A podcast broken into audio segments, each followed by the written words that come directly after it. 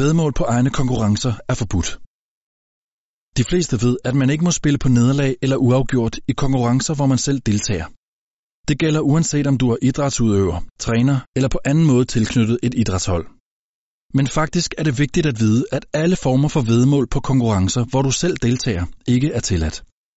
Det betyder for eksempel, at du ikke må spille på sejr til dit hold, stillingen ved halvleg eller på om du eller en holdkammerat scorer i kampen. Det er nemlig i strid med det etiske regelsæt, som Danmarks Idrætsforbunds medlemmer har besluttet. Det er der flere grunde til. Hvis du spiller for at vinde et vedmål, kan det føre til situationer, hvor dine økonomiske interesser kan overskygge eller være i konflikt med, hvad man sportsligt vil have ud af kampen. Eller forestil dig, at en træner eller en spiller i jagten på at vinde et vedmål tager chancer, som de ellers ikke vil have taget, og at kampen med et ellers sikkert uafgjort resultat ender med et dumt nederlag.